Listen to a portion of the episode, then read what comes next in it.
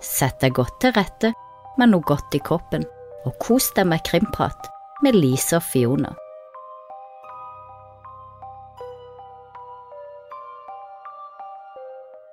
Velkommen tilbake til Krimprat med Lise og Fiona. I dag så skal vi ha om en ganske kjent eh, musiker, Kurt Cobain, og det er det en helt spesiell grunn til at vi skal ha akkurat denne saken i dag. Men før vi forteller hvorfor, hva har du i kroppen i dag, Fiona? Nei, nå går det i eh, cappuccino. Klarer meg ikke uten. Det er den eh, Jeg vet ikke hvilken du bruker, men jeg bruker den som er sånn pulver. jeg kjøper på butikken. Det er ikke, det er ikke noe fancy maskin, altså. Nei, er det den? Hvilket merke er det? Nei, jeg husker jeg ikke. Nescafé, er det det det heter? Ja, det er Ja. bra. Ja, den er god. Det er den jeg bruker. For Coop har en sånn der oh, ja. Insta-pulver, men det var helt Å forferdelig. ja, nei, nei, nei. Så Neskaffe fant jeg ut var den beste. Har du det, eller? Jeg har jo det. Det er faktisk min andre kopp i dag med cappuccino. Og har du trappa ned til null suk sukkerbiter nå? Nei, Nei. jeg har ikke det. Har du trappa opp? Og jeg, jeg har nok heller trappa litt opp igjen, nok på halvannen skje. Ja, men du begynte på te, husker jeg, når vi begynte podkast, så Ja, mm. jeg kan ikke ha uten sukker, det, det smaker ikke noe godt, syns jeg.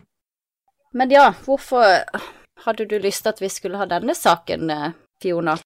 Nei, altså eh, Kurt Cobain har jo vært vanvittig viktig for meg. Det var jo da jeg begynte med musikk, når jeg var eh, Hvor gammel blir jeg da? Eh, 17? 16-17-åring. Eh, og Nirvana var jo faktisk grunnen til at jeg begynte å spille elgitar. Og jeg husker fantastisk sånn øyeblikk på eh, jenterommet der jeg finner ut på gehør da hvordan du spiller Rape Me. jeg vet ikke om du har hørt om den sangen, eh, liksom, men eh, Jo, eh, jeg kjenner godt til og så fant ut at oi, det er jo sånn den går. Og det var helt Mm. fantastisk. Så tenkte jeg bare ja, jeg kan, jeg kan spille elgitar, dette, dette er lett. og så jeg hadde jeg en periode da eh, på den tida at eh, det kom noen sånne veldig pene kristne Philadelphia-folk til byen. Og han Mhm. ene var jo veldig kjekk. Eh, ja da, så de dro jo med inn i kirka der, og så Der hadde de jo trommesett, vet du, og elgitar. Men jeg tror ikke de pleide å spille sånne sanger, men jeg var oppe i kirka der og spilte Rape Me.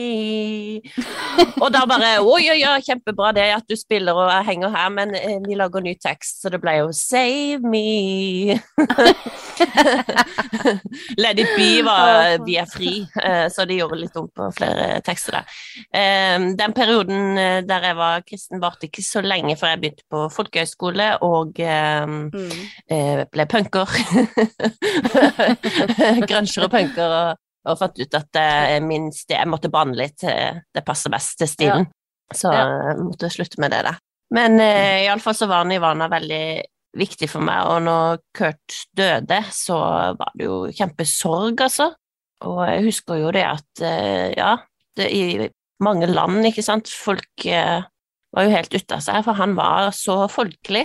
Mm. Og musikken var så på en måte lett for oss å spille, og eh, på en måte enkel, men med en helt sånn rå energi. Men også kona, eh, Courtney Love, var faktisk viktig for meg òg, som jeg begynte å mislike henne etter hvert. Så på den tida, når de var gift, så så jeg veldig opp til henne, for hun var jo helt vill på scenen. Helt Mm. rå. Eh, og jeg husker jeg klinte leppestift utover på utsida av leppene for å se litt ut som hun, så ser litt trasha ut, og gikk med sånne silke undertøykjoler oppå jeans og Det var sånn babydoll-stil, da, eh, som hun hadde. Så det var De to var viktige for meg eh, når det gjaldt å lage sanger og begynne med musikk. Så ja. Og du har jo, Ja. du har jo vært på fest med henne, har du ikke det? Ja, altså en god del år etterpå, så Det var jo etter Cutchen død, så Mm. Dro jeg til USA for New York for å satse på musikk. Og da kom Mm. jeg på sånn VIP-fest, VIP eh, eller kan du si, konsert der. Det var jo The Hole, eller Mm. Hole, som hadde konsert. Courtney Love var vokalist der. Og Mm. det var i hos sin mest sånn trashy periode. Hun bånska en flaske whisky på scenen og stage da. Jeg husker tok bilde av det og staga rett ved siden av meg. Og etterpå så Hun ble jo arrestert mye på den der eh, New York-helga der. Mm. To ganger, tror jeg faktisk. Hadde to konserter, jeg var på begge og ble arrestert. Jeg tror den ene var rett etter konserten, og hadde slått en i huet med mikrofonstativet, en publikum. Mm. Og etterpå gikk hun jo ut på byen og ja. Men da, eh, etter konserten, så var det sånn VIP-gathering, og da var jeg der. Og Mm. snakka med de andre i bandet hos sitt, og hun eh, var rett ved siden av meg, men jeg turte ikke gå bort, da. Men jeg prøvde å rekruttere trommisen hennes inn til mitt band, faktisk. Jeg vet ikke hvorfor jeg tenkte det var en god idé. Jeg var sånn Hei, du er godt til å spille trommer, jeg trenger en trommis. Har du anledning til å spille i flere band? Kan du bare ditche Gordon og bli med meg? Nei da, men eh. Eh, På den tida så mislikte jeg jo, jo litt, da, og kanskje etter denne podkasten her, så skjønner du hvorfor. Mm. Og før vi prater mer om, om eh, hva som skjedde med Kurt Cobain, så skal vi få en liten innføring i ja, om, om Kurt og hva som skjedde når han døde. Ja.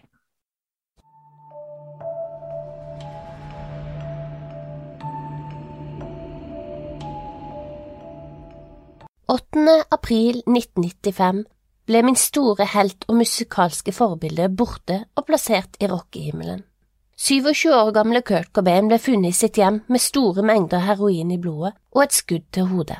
Selvmord. Kurt hadde dager tidligere rømt fra en avvenningsklinikk, og med et band som holdt på å oppløses, en skilsmisse som sto for tur og rusproblemer, valgte Kurt å ta sitt eget liv.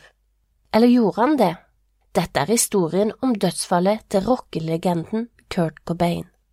Fra Seattle på tidlig 90-tallet kom en av verdens største rockelegender.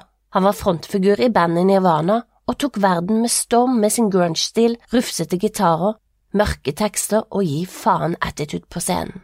Det var først i 1991, når bandet slapp sin andre plate Nevermind, at det tok helt av. Fra å være et mindre indieband til å bli mainstream og verdenskjent over natta, da de slapp Smells Like Teen Spirit, Nirvana solgte over 75 millioner album på verdensbasis. En suksess alle band håper på, men for Kurt var det vanskelig å takle. Han sleit med en magesykdom og brukte heroin for å døyve smerten. Til tross for en massiv suksess kledde han seg fremdeles i sine T-skjorter, skjorter og hullete jeans. Han sto opp for homofiles rettigheter, mot rasisme og stoppet en gang et show da han så en kvinne ble plaget i publikum. Når Nirvana er på topp, møter Kurt Courtney Love, vokalist og låteskriver i bandet Hole. Courtney var rå på scenen, og samme var det i 90-tallets svar på Sid og Nancy. De gifter seg i 1992 og venter barn bare fire måneder etter. Til tross for at de fikk barn, fortsatte de å ruse seg, og rock var deres store felles interesse. Kurt viste tydelig at han var imot det som var mainstream, og at han hadde et ambivalent forhold til suksessen. Etter en intervensjon i mars 1994 la han seg inn på et behandlingssenter for rusavhengighet i Wisconsin. Bare dager senere hoppet han over gjerdet og kjøpte to flybilletter og dro tilbake til sitt hjem i Seattle. 8. april ble han funnet i et rom over garasjen. Han lå på ryggen med en hagle i hånden og dopkittet sitt ved siden av seg og store mengder heroin i blodet. Ved siden av han lå det et brev. På slutten av brevet sto det Please keep going, Courtney, for Francis, for a life which will be so much happier without me. I love you, I love you. Alt tyder på selvmord, så la oss gå litt tilbake i tid. Var Kurt suicidal? Hadde noen interesse av hans død? Og hva forteller bevisene oss?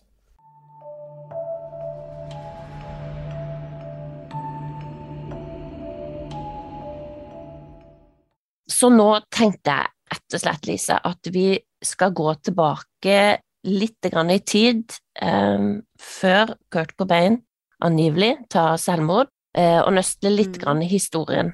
Det har jo blitt laga en del, eh, i hvert fall et par eh, gode dokumentarer som jeg har sett om, eh, om Kurt sin død, og den første som jeg så Kurt and Courtney, husker jeg kjøpte på VHS, den fikk meg jo til å mislike Courtney ganske heftig, og, og det viser jo på en måte hva slags personlighet og hva slags type hun er, da.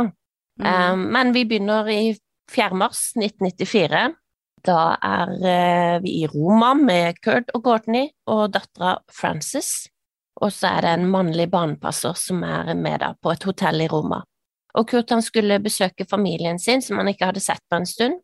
Klokka seks på morgenen så ringer Courtney ned til resepsjonen og ber om en ambulanse.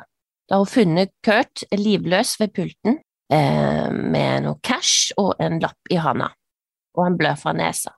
Eh, Kurt blir da kjørt på sykehus, og så, ha, eh, og så faller han i en dyp koma. Altså, det er alvorlig.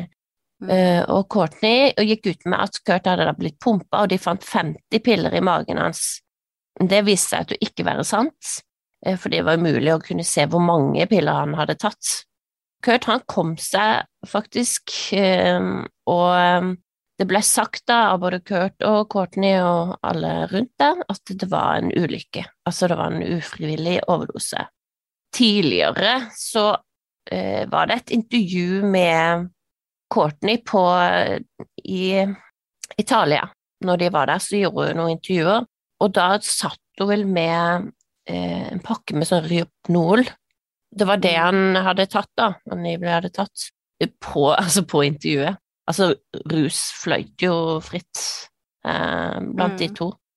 Så um, ja, det er veldig spesielt, det. Um, Ja, jeg reagerte jo på altså at hun sier at de fant 50 piller i magen. Tenker hvis du har 20, 30 eller 40 piller i maven, så er det vel ikke en ufrivillig overdose lenger, kanskje. Nei, eh, og så kunne jo ikke vite det, da, med mindre de var et brett med 50, alle var tomme, ikke sant, sånn. Eh, og etter denne hendelsen så eh, kontakter Kurt familieadvokaten, og han vil ha Courtney bort fra testamentet sitt. Og samtidig så ringer Courtney også til familieadvokaten og lurer på om det er noen vei utenom den prenupen de har gjort tidligere, før de Mm. gifta seg. Altså prenup, vet du hva det er, Lise, kan du forklare det? Ja, er ikke det at eh, eh, når man skiller seg, at man deler alt likt? At hvis man ikke har det, så har den andre krav på halvparten av den andre sitt?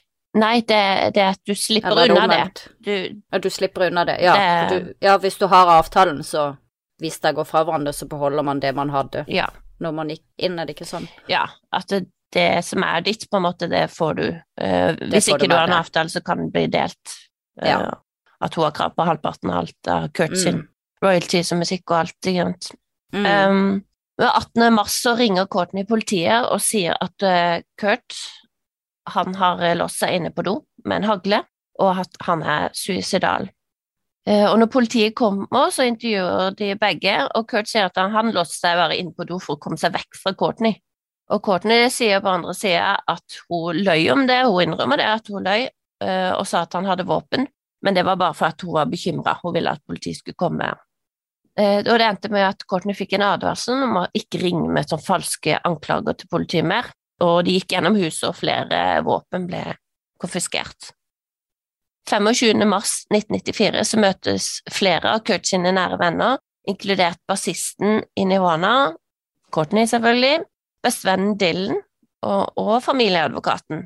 Og da skal de ha en sånn intervention for Kurt. Courtney truer Kurt med at hvis han eh, ikke legger seg inn på rehab, så får han ikke treffe dattera Frances mer. Og eh, da går Kurt med på å sjekke seg sjøl inn på rehab. Og av våpna som ble konfiskert, ja, de hadde jo ikke noen flere våpen i huset lenger, så ber Kurt barndomsvennen Dylan kjøpe et våpen til han, altså en hagle. Han vil ha den som beskyttelse og det hadde visst vært noe innbrudd i boligen eh, tidligere, så han føler seg ikke trygg uten å ha våpen. Så er vi kommet til 31. mars 1994, og da begynner Kurt Cobain på behandlingen på Exodus Rehab Center. Ja, og, og det skal angivelig så skal eh, Frances ha vært der og besøkt eh, Kurt. Han var det jo ikke lenge, eh, men sånn rett før da han forsvinner som vi hørte om i Story. Mens Kurt drar på behandlingssenteret, så drar Courtney Love til California 26. mars.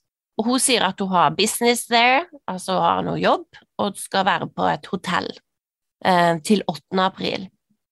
Eh, dette sier at familieadvokaten, som har peiling på det meste her, hun sier at eh, nei, Courtney hadde ikke noe business på den tida. Eh, så det er ifølge Courtney. Så 1. april så drar, eller eh, vi kan si rømmer, Kurt fra behandlingssenteret. Han hopper over gjerdet og kjøper to flybilletter tilbake til Seattle. Og det Dette vet jeg ikke hvem er, men det, er er han også en eller annen dame, da. Mm. Uh, Men rømmer han dagen etter han kom inn? Ja, var vel to dager etter. Ja, for hvis han kom inn 31. mars og rømte 1. april, må jo det ha vært dagen etter. Jeg tror det sto to dager etter, men det er iallfall rett etter. Mm. Um, så om det er en eller to dager. Ja, jeg vet altså ikke hvem denne dama er. Eh, og Frances, som sagt, hun var der samme dag, ja. Mm. Og det var også noen kamerater som kom og besøkte han. Og de sa at han så flott ut og var med godt mot. Og Courtney, hun prøver å få tak i Kurt. hun var jo veldig, ja, hva skal jeg si, obsessive. Ja. Mm. Eh, Skulle ha full kontroll på han, da.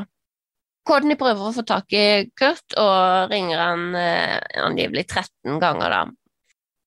2. april så ankommer Kurt sitt hjem i en limo fra flyplassen. Og eh, han treffer den mannlige barnevakten som heter Michael DeWitt, og kjæresten.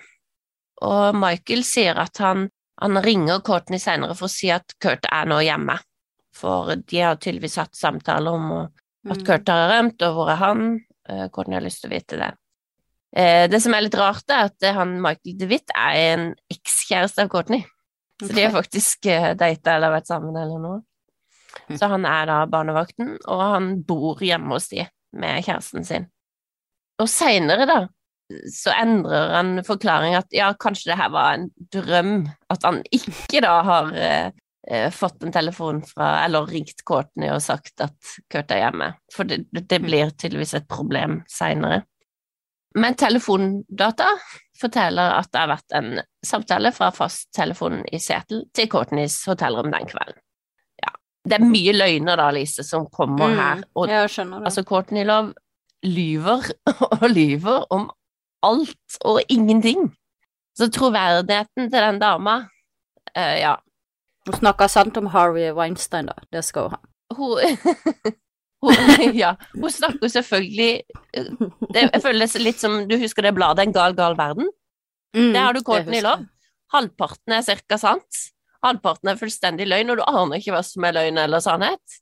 Skjønner du? Ja, jeg skjønner. Kjenner noen av de. Slitsomt. Det passer jo godt gal, gal verden. Det er litt Courtney Love, det. Hun hadde en Mm. gal verden, hun. 3. april ringer Courtney kredittselskapet og stenger kredittkortet til Kurt. Og samme dag så an- ansetter hun privatetterforsker Tom Grant, og han skal bli viktig. Han er en tidligere politibetjent og veldig høyt respektert nå som privatetterforsker. Det har hun muligens angra litt på i ettertid. Eh, Han tar nemlig jobben sin veldig alvorlig, og nå skal han da finne Kurt for henne, Mm, eh, selv om hun da angivelig vet at han har kommet hjem, ikke sant. skjønner. Og Grant og partneren hans møter Courtney på hotellet, og det viser seg at Courtney hun er veldig opptatt av at Kurt han vil skilles.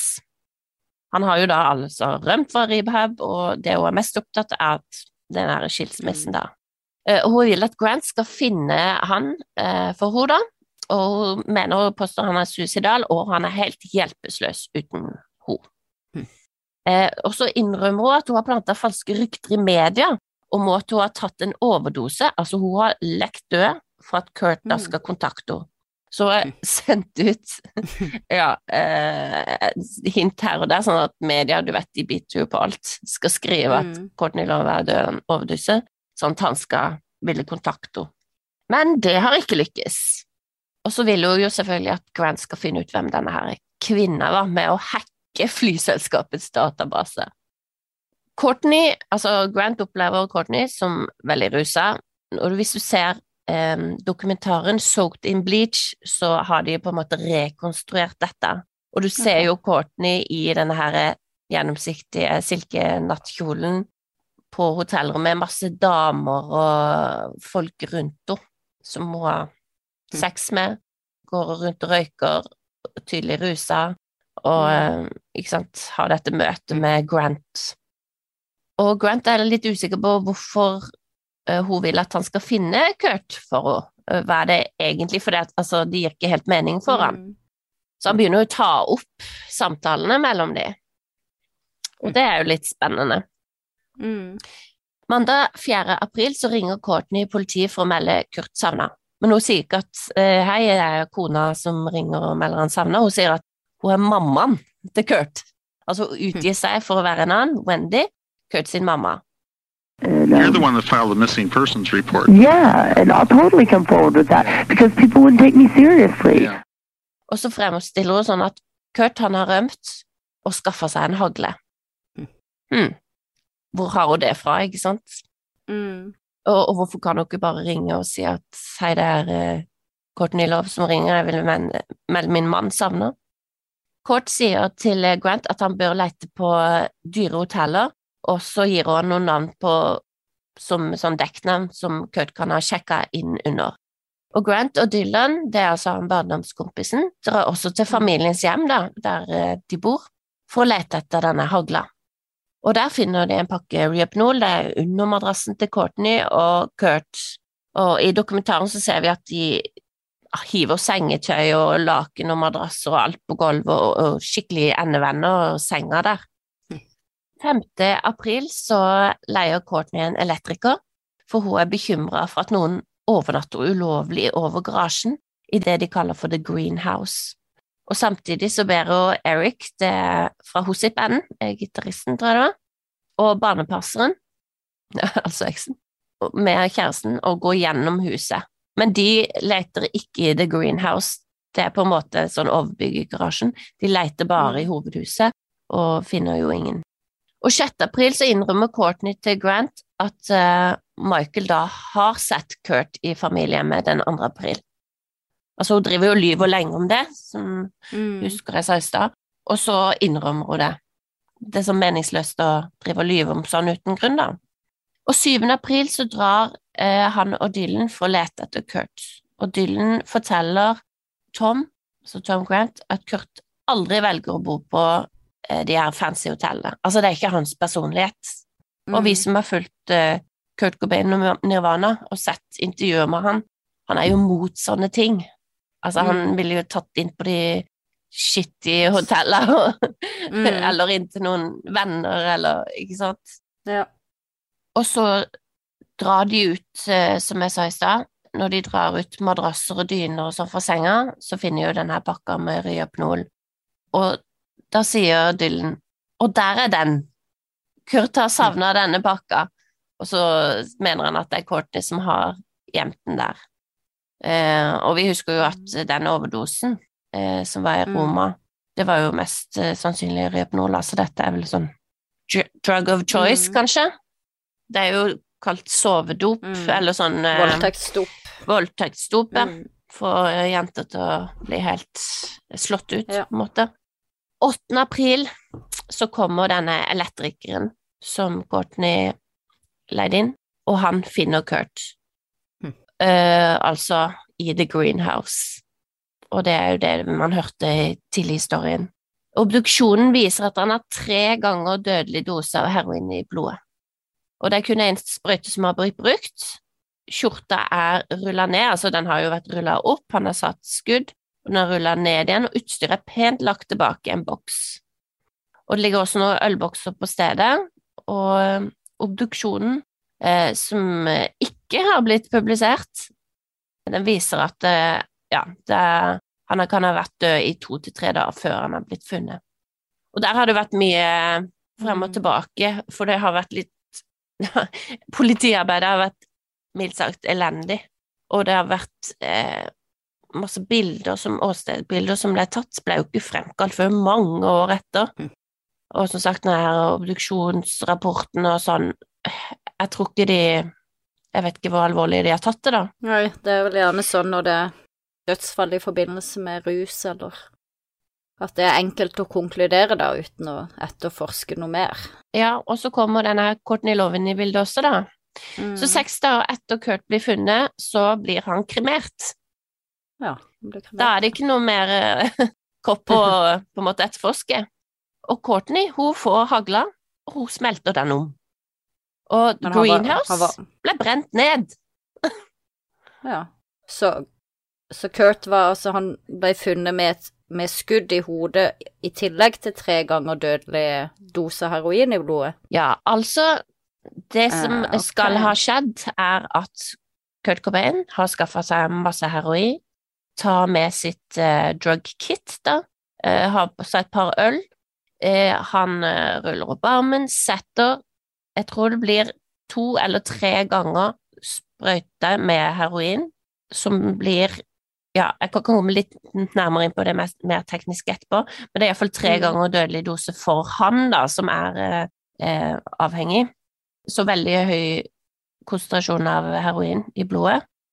I tillegg så han blir funnet på en måte på ryggen, han, de tror han har sittet oppreist, eh, tatt hagla, skutt seg i hodet og falt bakover, så den ligger, han ligger med et grep på den hagla. Mm. Det, uans uansett er det jo ikke noe tvil om at heroin heroinen har kommet før skuddet, i hvert fall. det, det er helt sikkert. og, se og setter du tre doser, altså dødelig dose heroin, setter du én heftig dose heroin, ja, jeg ville nok stilt spørsmålstegn om det i det hele tatt var mulig å skyte seg sjøl etterpå.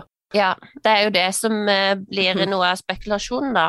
Og i tillegg, Mm. som sagt, alle beviser blir jo destruert av Courtney Love. Altså, hele greenhouse blir brent ned, hagla er smelta, Mm. eh, og han er kremert. Og det får Ja, hun det lov til å gjøre. Og Grant, Tom Grant, han har jo eh, Han ble jo ansatt av Courtney Love, men han eh, har fått med seg de her røde flagga, og han har jo tatt Mm. opp samtalen med Courtney. På grunnlag av de også, så tror jo mange at Courtney har en finger med i spillet. Mm. Og eh, ettersom Kurt mest sannsynlig døde to dager før han ble funnet, så ville jo eksen til Courtney trolig ha hørt skuddet. Altså, han og kjæresten bodde jo i huset rett ved siden av, de har jo ikke Mm. hørt noe, da. Så nå kommer jeg til litt sånn eh, konspirasjonsteorier, da, som vi kan Mm. kalle Skal sende deg et bilde. Du kan, kan du google bare Kurt Cobain crime scene. Så det bildet som jeg ser her, det ligger han på ryggen. Det første som slår meg, er vel kanskje hvordan han holder hagla. Den ligger jo fint plassert oppå magen, ser det ut som. Jeg kan bare se fra livet, eller fra magen og opp på det bildet. Men det ser ut som hagla ligger eh, på magen, og at eh, toppen av hagla stopper rett før, eh, altså rett under bryst, brystene, og så holder han rundt avløpet som jeg følte kanskje virka som en litt unaturlig eh, stilling når du har eh, eh, skutt deg sjøl. Så tenker jeg at eh, hånda ville ramla sidelengs eller ned på sida og våpenet ned på gulvet, og ikke lagt seg fint opp på magen når du holder rundt det. Eh, ellers så ser det vel egentlig bare ut som han sover. Jeg regner med det er originalbildet. Det ser ut som Kurt Cobain i svart-hvitt, det bildet jeg ser. Ja, det er jo litt Eh. forskjellige bilder som florerer rundt. Det er jo et veldig berømt et som ble publisert med en gang. Da ser du, på grunn av døra, så ser du ikke på en måte ansiktet. Nei, jeg, jeg ser dermed bare foten. Mm. Ja, for det ser jeg her. Da, da ser jeg bare foten, egentlig. Høyre foten, og så armen som ligger på gulvet på sida. Og det du sier, altså Folk har ikke stussa så mye over eh, akkurat det med hvordan hagla er plassert i hånda, men eh, det er jo noe som heter kadaverspasm, eh, at på en måte kroppen fryser nøyaktig i den posisjonen når du dør, og da for eksempel at hendene hans, eller hånda hans, lukker seg rundt hagla, og, og må, når han dør, så er det det grepet han har på en måte, du kan ikke legge det der etterpå, for eksempel plassere det der. Eh, men problemet er at patronskallet, eller hva du kaller det, det ligger på feil side i forhold til hvordan hagla er eh, i hånda hans, hvordan det ville gått, hvilken vei det ville gått. Det skulle Mm. ligget på andre sida, eh, med mindre da, at det sto noe i veien sånn at den ville bounce øh, på den sida. Så det er en, en ting som gir Mm. lite mening for de som har peiling på det, da. Jeg ville jo ikke visst hva jeg Mm. så etter engang. Men på grunn av denne kataverspasm, da, så vil jeg tro at han hadde det grepet idet han døde. Mm. Eh, og det er den Men- som har tatt livet av han, på en måte. Men på det bildet jeg ser, der du bare ser beina hans sitt, Mm. eh, vet du hva det er som ligger på gulvet der? Se, det ligger en haug med noe ting der, eller er det bare politiet som har Eh, skal vi se, da må jeg finne det Det bildet. Det ser ut som det er en boks med et lokk Ja, som er åpent. Det er eh, kittet hans, på en måte. Dopkittet hans. Ok, det er det der. Ja, så den boksen med lokket, det er dopkittet. Så lå det en lommebok der, og med et Mm. ID-kort på toppen. Og det var det mange som stussa på, det ID-kortet, hvorfor er det plassert på toppen? Mm. Se at jeg er Kurt Cobain. Men det viser seg i ettertid at det er politiet som har tatt det ut og lagt oppå. Så en del sånn misforståelser okay. der, da. Men, men de tingene lå der, eller har politiet flytta det der? For det ligger jo Det dukket cirka- skal ha ligget der. For det ligger jo ca. en halv meter fra, fra Kurt. Jeg vet ikke, jeg følte det jo lå i en litt sånn unaturlig stilling i forhold til hvordan han Ja, for Hvis han har sittet og holdt på med, med dette, så skulle en tro at det var nærmere han, kanskje i front av Ja, for her kommer jo det som er rart, ikke sant, og det som man må Ja, de som har peiling på heroin, Ja, da. Jeg måtte jo lese meg litt opp. Han, han er målt Eller en vanlig narkoman kan ha 0,42 eh, milliliter per liter. Eh, Vil det være en dødelig dose, om ikke jeg tar helt feil. Så han har en Mm. tre ganger dødelig dose som altså heavy narkoman. Men for du og meg så har det vært 70 ganger som vanlig dose. Mm. Og så må han lade sprøyta mellom hver gang. Og så er det Mm. med så mye heroin, da, som er tre ganger dødelig Mm. dose for han, så er kittet på en måte alt nei, Du vet den der som du tar rundt armen for å få frem blod, Mm. blodårene, den er rulla fint Mm. tilbake. Så har man jo gått og henta våpenet, og så skutt. Og en som er Mm. Jeg har aldri gått på heroin, heldigvis, men jeg kan se for meg at folk som er så avhengige av heroin, og de vil gjerne sette siste skuddet Altså, er det ikke den rusen du jager, da? Vil du, vil du ta og skyte deg på det beste, holdt jeg på å si, i en sånn rus? Eller er du i hele tatt Mm. i stand til å ta opp et våpen og skyte det etter du har fått denne rusen i blodet? Vil du ikke bare falle om, på en Mm. måte, og dø i overdose? Ja, for det som skjer ofte, altså når man dør av overdose heroin, eh, så skjer jo som regel det i forbindelse med at man har vært på rehabilitering. Eh, Men da har man jo gjerne vært rusfri i flere uker, Mm. gjerne måneder. Så kommer man ut, og så får man en sprekk, og så setter de samme dose som de Mm. pleide å ta. For heroin, det er jo som alle andre rusmidler og medisiner. Tar du det daglig, jo mer du tar, jo mer tolerant blir kroppen. Så det er klart, Kurt Cobain tålte jo mye Mm. mer heroin enn eh, vanlige folk, holdt jeg på å si. Vi, som du sier, vi hadde jo daua mye mindre. Men uansett om du bruker heroin daglig eller ikke, om du er sterk eh, rusmisbruker, så er det jo veldig vanlig at så fort du Mm. setter første skudd med heroin, eh, så døser du jo gjerne fort av. Ofte sovner de, altså du Det kan du jo se på utallige videoer. Det, det, man faller jo rett om, så at han skal ha tatt tre dødelige doser, stusser jeg jo veldig på. At han skal ha klart å da, som du sier, hente våpen og legge ting fint på plass, og så skyte seg sjøl. Uh, og ja, jeg har også hørt at eh, Eller de som har brukt heroin, de sier at det er den beste rusen Ja, i verden. Vil du da avslutte og, til den rusen med å skyte deg sjøl? Vil du ikke bare vente på at du dør av overdose, holdt jeg på å si? Altså, hvis meningen er å ta livet ditt, vil du ikke la Ja, den rusen virke? Mm. Det ville jo jeg også tenkt, at det ville vært mer naturlig at han eh, prøvde å da ta en overdose med heroin, og så ikke skyte seg. Men ja, jeg tenker jo at han ikke har vært veldig våken og oppegående uansett etter de, de skuddene, da. Nå vet jo ikke jeg hvor mye han eh, pleide å ruse seg til vanlig, og hvor, hvor lenge, da, hvor mye han tålte, men, men det er noe som går igjen, eh, føler jeg egentlig uansett eh, om du har rust deg mye eller lite på heroin. Og det kan du jo også se på YouTube, der ligger masse heroinvideoer av folk som setter skudd, og da ser du jo eh, hvordan de på en måte reagerer så fort skuddet er satt inn, og de aller fleste øynene lukker seg, Mm. og de dupper av, og de forsvinner inn i sin Ja. egen verden. Eh, ved siden av Kurt så ligger selvmordsbrevet. Eh, og det har du jo sett, Lise. Det er jo adressert til Mm. Buddha, som er hans eh, eh, Som fra barndommen, sånn liksom venn, eller fantasivenn. Og første del av Mm. brevet er jo skrevet med stavskrift, og det er mindre skrift. eh, og det er mye Det handler om musikken, egentlig. Eh, og fans tror jo at dette er et på en måte avskjedsbrev når det gjelder musikk, kanskje til Nirvana, men ikke et sånn selvmordsbrev. For på slutten så står det med store blokkbokstaver, det som jeg leste i stad, eh, om Courtney og Frances.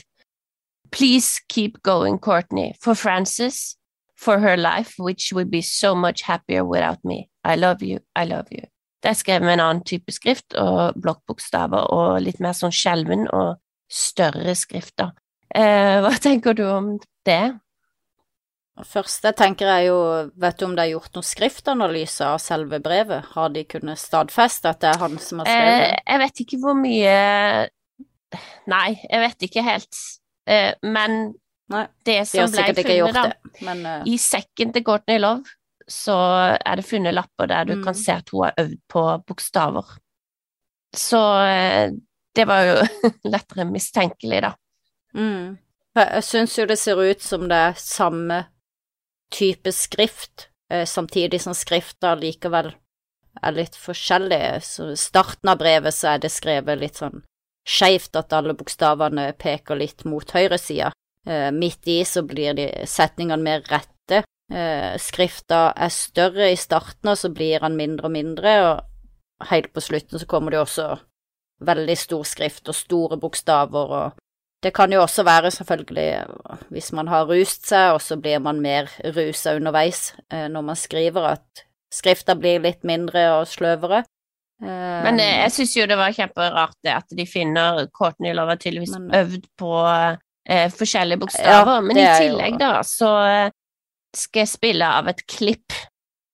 Now, what, what about the other note? You mentioned in Rolling Stone about another note that he wrote to you. It's like a letter, Yeah. and it's not really like a suicide note. It's like it seems more like it was like a, in a sealed envelope, and it was just like to me, and it seems like he wrote it in rehab. Where'd you Um, find it? Where'd It you was get it? in my it was in my bedroom under my pillows. Under your pillows? Yeah. And I didn't I didn't tell anybody about it but Rosemary and uh I told Sergeant Cameron about it. Yeah. I let him see it.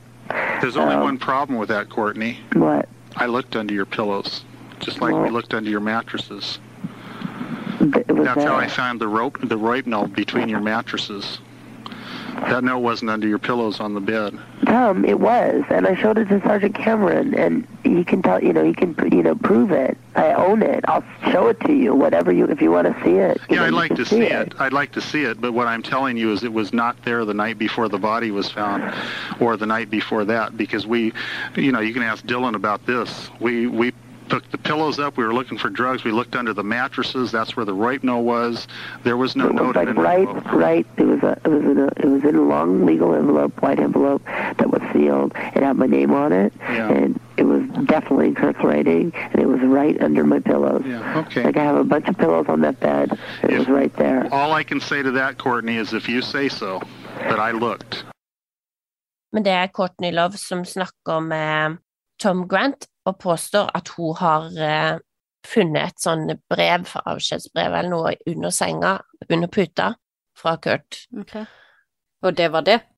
Nei, det er ikke det. Det er Nei, et ok. annet brev. Å nei, et Eh, annet brev. og dette brevet sier Tom Grant, vet du, er endevendt til senga di. Mm. Det var ikke der. Stemmer det, når de fant i opp Ryopnoland? Ja.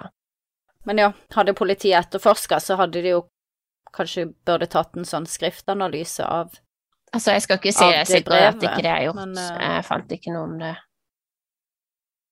sånn innholdsmessig hva han skriver, holdt jeg på å si, det kan jo Innholdsmessig så er det veldig mye om musikken. mm. Eh, Og men også det tungt å leve opp til forventninger og så reelle årsaker for at det kan være tungt å leve, da, sånn sett. Men det er også det han sier i andre intervjuer, og han misliker jo Mm. sterkt at ting blir så stort og mainstream. Uh, Mm. Han vil bare egentlig sitte på en pub med gitaren sin og synge, ikke sant. Han, mm. han har en drøm om det. mm. Eh, han vil hjelpe mennesker. Altså, han virker som en veldig ålreit fyr. Det er noen, et av de siste intervjuene han gjør. Mm. Eh, Litt sånn sensitiv sjel, veldig kanskje. sensitiv eh, sjel, ja. Mm. og, og hva han gjør med Courtney Love, som er det stikk motsatte personligheten. Altså, hun Mm. virker som hun går over lik for å lykkes, og alle de forhold og, og forhold til andre hun har hatt i ettertid og i forkant for å komme der hun kommer, eh, altså for å satse på karrieren og, og få seg Mm. sjøl frem, da. Men det som er sånn trist, ikke sant, det er jo også alle disse dokumentarene som blir lagd av Kurt Cobain. Hun har jo hatt royalty på musikken hans, og ikke tillatt noen å spille noe av hans musikk. Arva hun han? Ja, fordi hadde ikke han eh, Hadde han fått det som han ville og skilt seg, så hadde ikke hun Mm. fått noe. Å ja, Siden- så siden ikke de hadde rukket å skille seg, så arva hun alt Siden han likevel? Ah. ja, døde, Um, Mm. så ble det Mm, ja, skjønner. noen. Hm.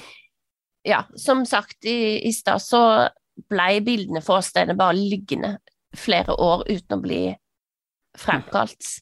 Det blir jo sagt at if you wanna get away with murder, kill a junkie. Det er litt det jeg Ja. føler har skjedd her. Det ble ikke etterforska Mm. så mye. Og Courtney Love, veldig manipulerende, veldig innflytelsesrik. Hun fikk det jo som Mm. hun ville på ekstremt mange ting der. Og hun fòrer det jo med informasjon. Hun har sin historie, og den Mm. kjøper de.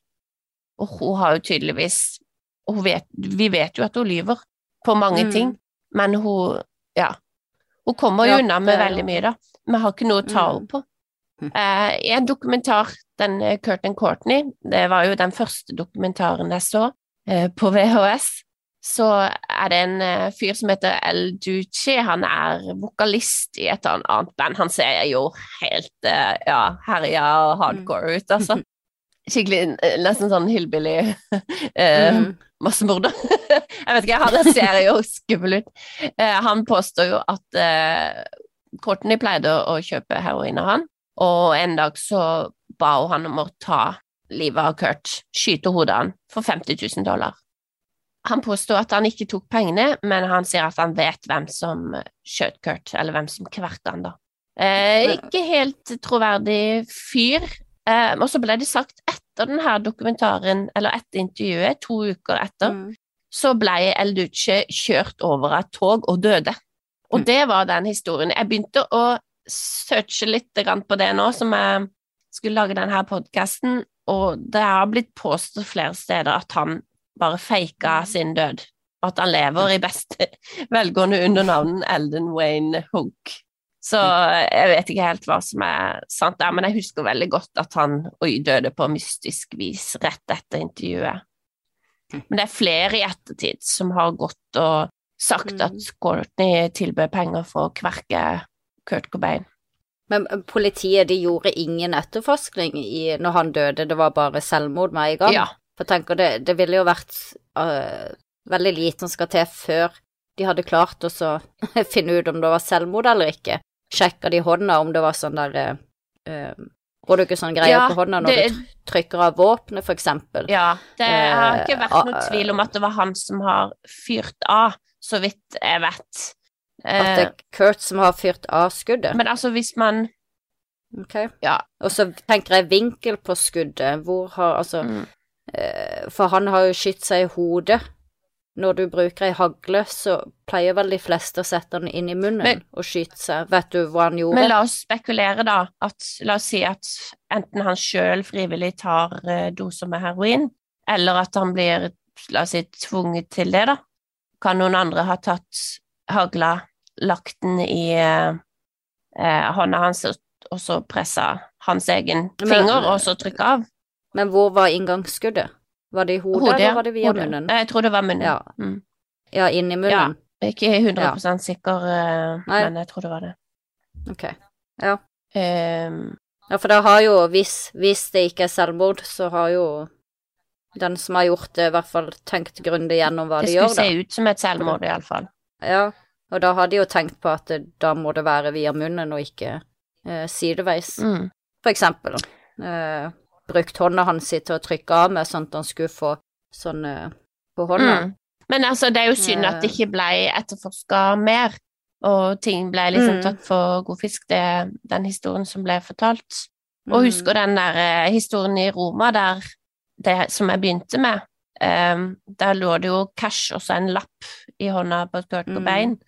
På den lappen Ja. skal, skal det ha stått, altså ifølge Courtney at han ville forlate henne. Så Forlato i, sånn Skille seg, forlato, eller? skille seg. Ja, ok. Ja. ja. Men eh, motivet er jo enkelt, da, hvis man skal tenke på hva var motivet til Courtney. Fikk hun noen andre til å Mm. gjøre dette for seg, mens hun hadde alibi på et hotell i eh, Mm. en annen stat? Da, det ville jo vært penger, ikke sant? Eh, Mm. og det at han ville forlate henne. Men altså, bandet Ja. altså de andre gutta i Nirvana, jeg tror jo de var ganske skeptiske først, men det er ingen nå som tror, og har gått ut med at de sier at uh, Courtney Love tok livet av Kurt. De tror jo det er Mm. selvmord, de fleste av de nærmeste. Men det er jo oss, da, fansen, sånn som spekulerer og syns at uh, ting er Mm. rart, og bare veldig synd at ikke det er verdt vært etterforska mer, og det ble jo Mm. gjenopptatt også, men det de kom frem til samme konklusjon, at det var et Mm. selvmord, rett og slett. Og det kan jo være mange grunner til at Courtney lyver og de her tingene òg. Tenker hvis hun ruser seg mye, og noen mennesker bare lyver fordi at ikke de klarer å snakke Ja, akkurat. Eh, og tror på det sjøl, da. Mm. Eller liker drama, eller er så rusa at de husker feil, eller tolker feil.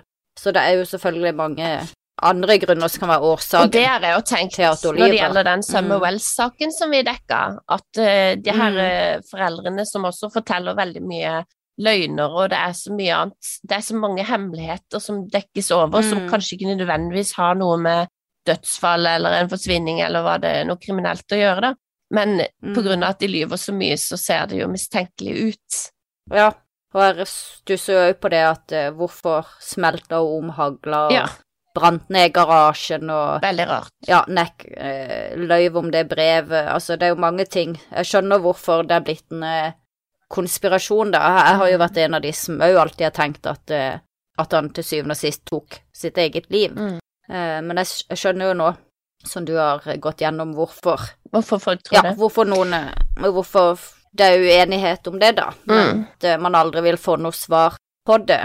Mitt inntrykk, sånn ut fra det jeg har sett, jeg har jo ikke dykka inn i dette sånn som du Mm. har, men jeg, har, jeg tenker jo at har vel et inntrykk av at Courtney var veldig forelska i, i, i Kurt Cobain, da. Jeg tror hun var forelska i suksess. Eh, At hun var mer forelska i Ja, suksess. og- ja. det at hun kunne bruke mennesker, det er mitt inntrykk av henne. Um, hun brukte mennesker for å komme der hun skulle, hun skulle opp og frem. Um, Ja. Og eh, også det at de, ingen skulle liksom forlate henne. Du har jo hørt den historien, ofte er det motsatt. det er mennene som Mm, tenker sånn ja. om kvinner, men eh, så kan det være liksom et nederlag da at han valgte å kanskje ta livet sitt Mm. istedenfor å være med hun og Frances. At eh, hun prøvde å dekke Mm. over det. Men eh, Konspirasjonspodden hadde jo også eh, denne her saken, og de konkluderte jo med begge to at de trodde at han eh, var blitt drept. Jeg var spent på hva de kom frem til sjøl. Mm. men jeg er ganske Jeg vet ikke. Ja, for jeg har alltid, Jeg har alltid satt det litt i den der kategorien Elvis lever og Ja, at det At Kurt Cobain-saken falt litt mer under det, de som tror han Tupac lever og Elvis Ja. lever og Michael Jackson lever Nei, og da syns jeg Kurt Cobain Ja. at, at det var drap er mer eh, sannsynlig. Ja, det er jo litt mer realistiske holdepunkter for at det kan ha vært noe annet enn selvmord. Det, Ja. det ser jeg. Dessverre så tror jeg nok aldri at det vil komme noe klart svart på det. Sak, Nei, så altså, kan jeg for lite om heroinrus og det derre øh, Altså, klarer man Mm. rett og slett Kan man fysisk sette tre Mm. dødelige doser? Rulle ned kunnskap- rulle ned Altså legge alt Ja. bak plass. Ta en hagle og skyte seg selv. Klarer man det? Jeg vet Mm. ikke. Jeg ville sagt nei ut fra min erfaring. Og jeg tror heller ikke våpenet ville ramla ned sånn på kroppen hans. Mm. Dødsstivhet kommer jo ikke med en gang, sånn at det ville ikke vært noe problem å brette fingrene hans rundt Nei, men dette var ikke dødsstivhet, det er noe annet. Kadaverexpassen. En nøyaktig posisjon okay. i idet han dør. Sekundet. Du fryser. Men ja. hendene, er ikke det bare ansikt, Liksom? Nei, hendene lukker seg for eksempel om eh, rundt hagla, og det er, Mm. ikke, det er ikke samme som rigor mortis. Hm. Mm. Så nå kan jo du gjerne fortelle oss hva du syns om uh, saken, kjære lytter. Um, kanskje du også har et uh, forhold på en måte til Nirvana, Hole, uh, Kurt Cobain. Jeg vil gjerne høre hva, hva lytterne tenker om saken. Skriv til oss på Instagram eller Facebook. Krimprat med Lise og Fiona. Mm. Kanskje du har noe mer inside information også? Så ta mhm. gjerne kontakt. Der, denne saken gnager meg. Så, men det var godt å få skrevet om den, tenker jeg, og så prata litt. Mm. Mm. Så høres vi igjen ja. Eh, neste uke. Only thing that bugs me is why is his blood where his feet are. Well, why is his blood? about it that bugs me though. Why is his blood where his feet are? Why is that the only place where there's blood? and then I have a sheet. I've never heard that before from anyone. No, that's where it was. They released a statement, not to the press, of course, but to you know relevant people at Geffen, etc. As long as Nirvana is unmanageable, we're not going to manage them. Well, I know bands with way bigger drug addicts than my husband in them that are huge bands. No one's dropping them. You know, I think we're going out to pull this whole righteous bullshit attitude. We've got to live. There's always drama. Well, you know, little people, little problems. Big people, big problems. So I'm on his side with this. He shouldn't have to go to rehab to prove to Gold Mountain that he's a good little boy. I'm going to support whatever you do. If you don't want to do Lollapalooza, fine. I could have done Lollapalooza this year, but I can't go on tour with Kurt because everyone will say, oh, you know, he got it for her. But I was offered it first. So, you know, I don't know. It's ridiculous. And I mean, I'm certainly not going to. You know, Kurt was Kurt's got enough power that he'd be getting the back end. I mean, I'd I'd come off of Lollapalooza with less than a hundred thousand dollars, but it, it would sell my record. But I gave that up so that Kurt could go out and make like nearly $10 million. We did not have any plain Valium in the house. And that's what was found in his bloodstream. And we had Klonopin, and I asked Nicholas, can you tell the difference between Klonopin or Rohypnol? And he said, no, it was Valium, Valium, diazepam. And that was what they were giving him that, um, at Exodus. So somehow he got Valium. I want to know where he was for four days. That's for three days. That's what I want to know. Well, you, you said you don't third, think it happened on the third, but I'm saying that's what you told me, and, and I don't believe wait, that anymore. I said I either the third or early uh, Monday morning, which would be the fourth. I don't believe anybody actually saw him after 7:30 Monday morning, and I believe that anybody that says they did is lying.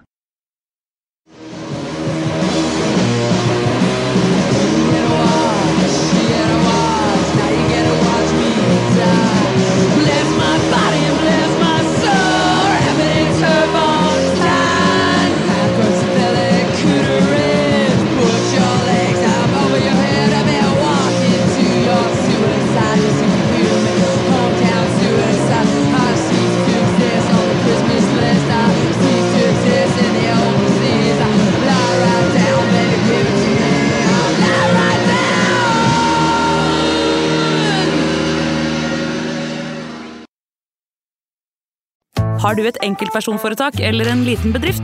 Da er du sikkert lei av å høre meg snakke om hvor enkelt det er med kvitteringer og bilag i fiken, så vi eh, gir oss her, vi. Fordi vi liker enkelt. Fiken superenkelt regnskap.